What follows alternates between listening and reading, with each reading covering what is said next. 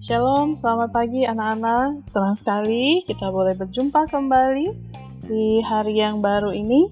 Kita bersama-sama akan merenungkan firman Tuhan sebelum kita memulai kegiatan belajar mengajar di hari ini. Mari kita tundukkan kepala mohon pimpinan Tuhan.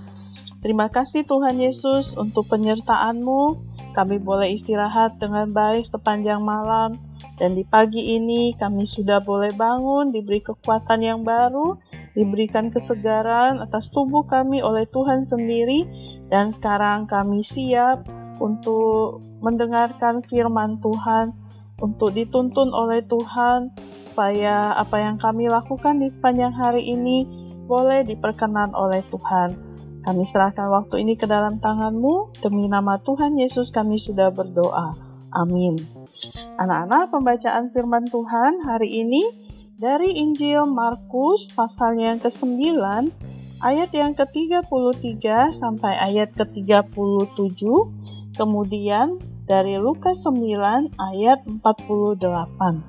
Demikian firman Tuhan. Siapa yang terbesar di antara para murid? Itu judul perikopnya. Ayat 33, kemudian tibalah Yesus dan murid-muridnya di Kapernaum. Ketika Yesus sudah di rumah, ia bertanya kepada murid-muridnya, "Apa yang kamu perbincangkan tadi di tengah jalan?"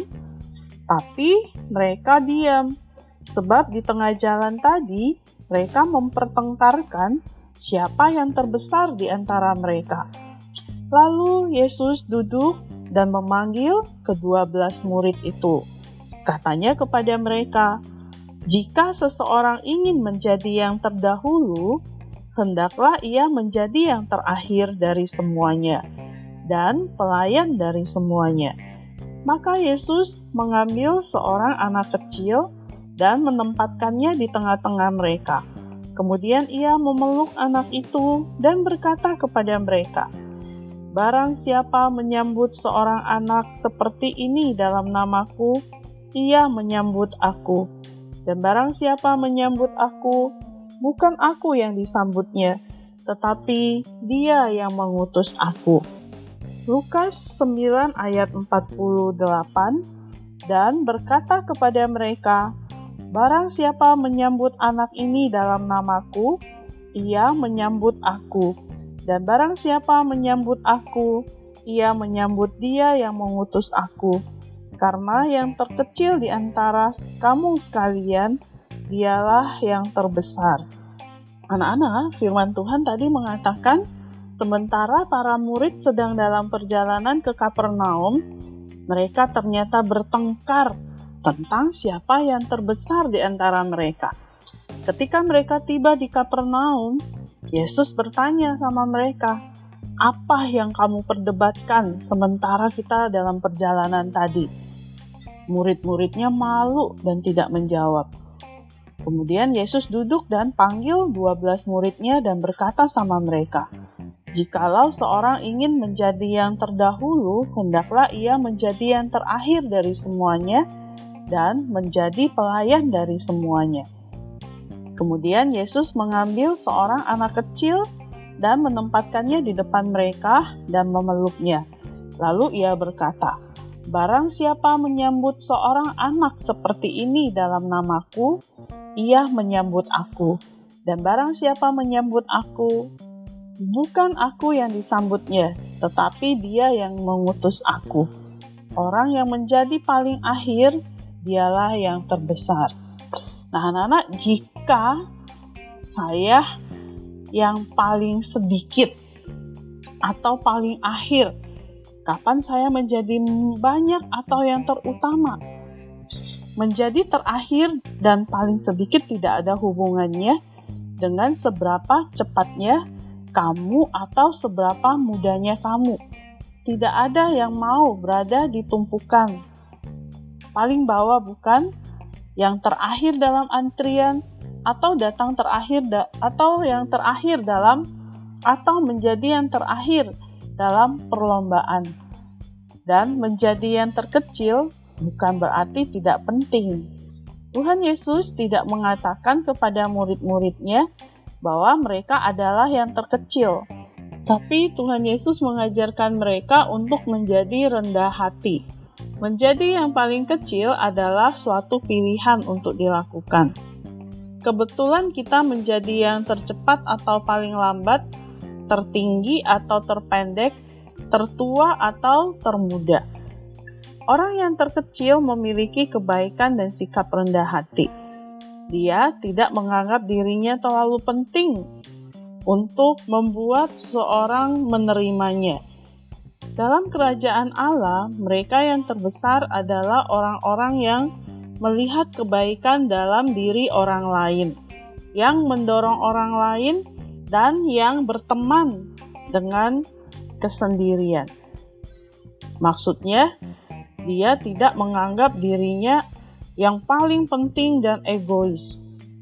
Jika kamu memilih untuk menempatkan orang lain terlebih dahulu, maka engkau akan menjadi yang terbesar dalam kerajaan Allah.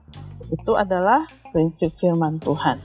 Hari ini kita belajar jikalau kamu mau menjadi pemimpin, maka kamu harus dengan rendah hati justru melayani orang lain, bukan untuk dilayani. Kamu bukan melihat dirimu yang paling hebat, tapi kamu bisa melihat kebaikan dalam diri orang lain, kasih semangat sama mereka. Kiranya Tuhan Yesus menolong kita untuk dapat melakukan firman Tuhan. Mari kita berdoa. Tuhan Yesus, terima kasih untuk kebenaran firman-Mu hari ini Tolong kami untuk memiliki sikap yang rendah hati. Kami tidak menganggap diri kami yang paling penting, yang paling utama, tetapi kiranya jikalau Engkau mempercayakan kami untuk boleh menjadi seorang pemimpin, kami boleh melayani orang lain dengan penuh kerendahan hati. Kami boleh menjadi berkat buat orang lain, sehingga nama Tuhan dipermuliakan. Terima kasih Tuhan Yesus, demi namamu kami sudah berdoa. Amin. Anak-anak, ayat emas kita hari ini dari 1 Petrus 5 ayat 5a. Demikian jugalah kamu, hai orang-orang muda, tunduklah kepada orang-orang yang tua. Dan kamu semua rendahkanlah dirimu seorang terhadap yang lain. Demikian firman Tuhan. Selamat belajar bersama Yesus. Aku bisa.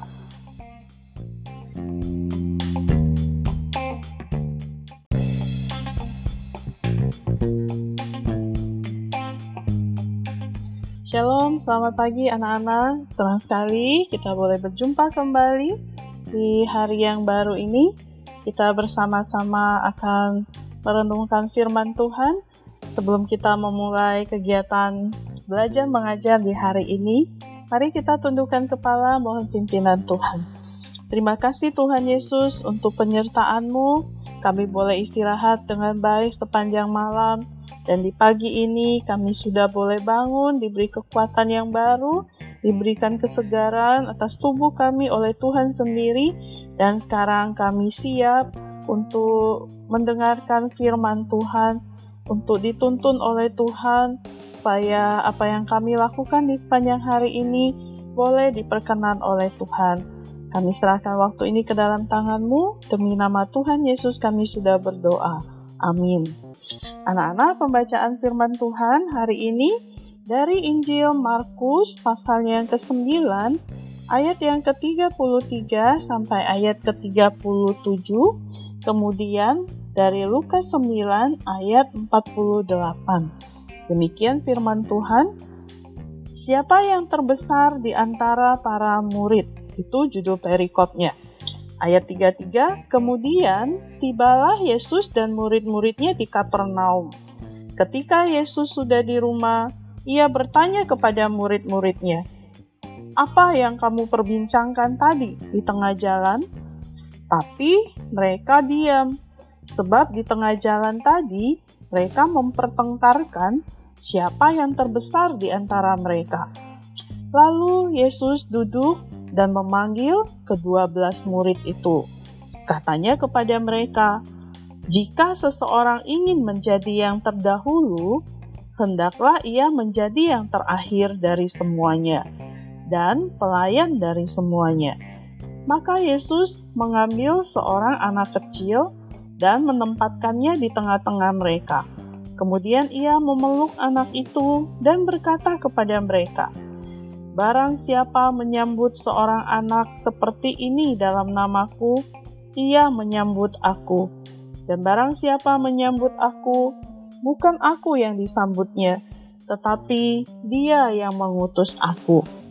Lukas 9 ayat 48 dan berkata kepada mereka, Barang siapa menyambut anak ini dalam namaku, ia menyambut aku.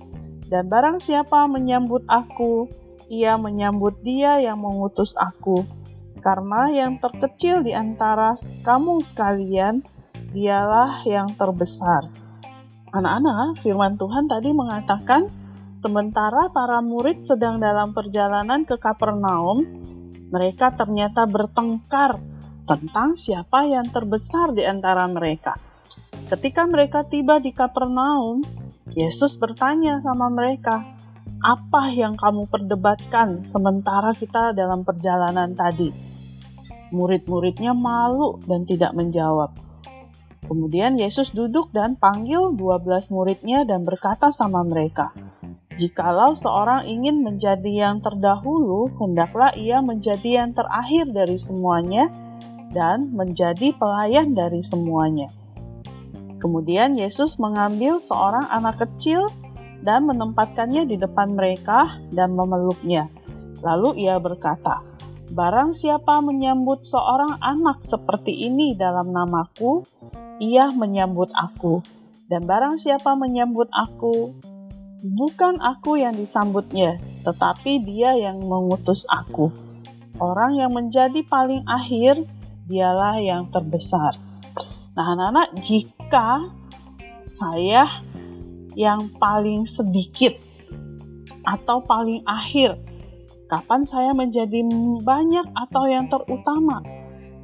Menjadi terakhir dan paling sedikit tidak ada hubungannya dengan seberapa cepatnya kamu atau seberapa mudanya kamu.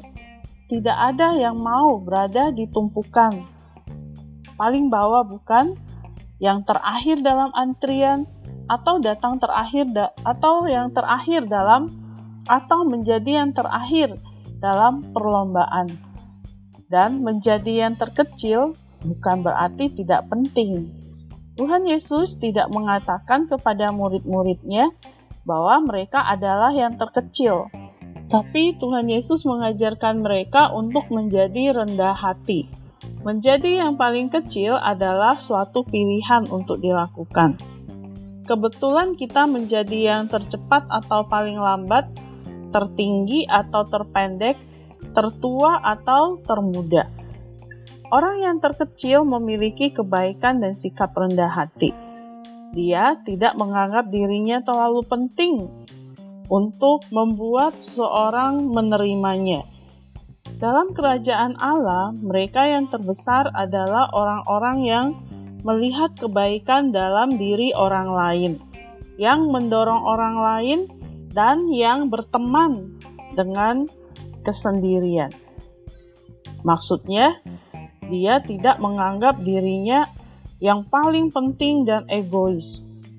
Jika kamu memilih untuk menempatkan orang lain terlebih dahulu, maka engkau akan menjadi yang terbesar dalam kerajaan Allah. Itu adalah prinsip firman Tuhan. Hari ini kita belajar jikalau kamu mau menjadi pemimpin, maka kamu harus dengan rendah hati justru melayani orang lain, bukan untuk dilayani.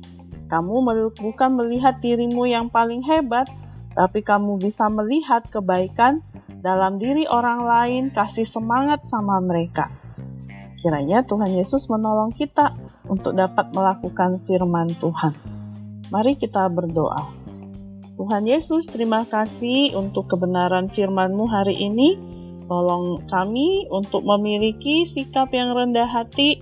Kami tidak menganggap diri kami yang paling penting, yang paling utama, Tetapi kiranya jikalau engkau mempercayakan kami untuk boleh menjadi seorang pemimpin, kami boleh melayani orang lain dengan penuh kerendahan hati, kami boleh menjadi berkat buat orang lain, sehingga nama Tuhan dipermuliakan. Terima kasih Tuhan Yesus, demi namamu kami sudah berdoa. Amin. Anak-anak, ayat emas kita hari ini dari 1 Petrus 5 ayat 5a. Demikian jugalah kamu, hai orang-orang muda, tunduklah kepada orang-orang yang tua. Dan kamu semua rendahkanlah dirimu seorang terhadap yang lain. Demikian firman Tuhan. Selamat belajar bersama Yesus. Aku bisa.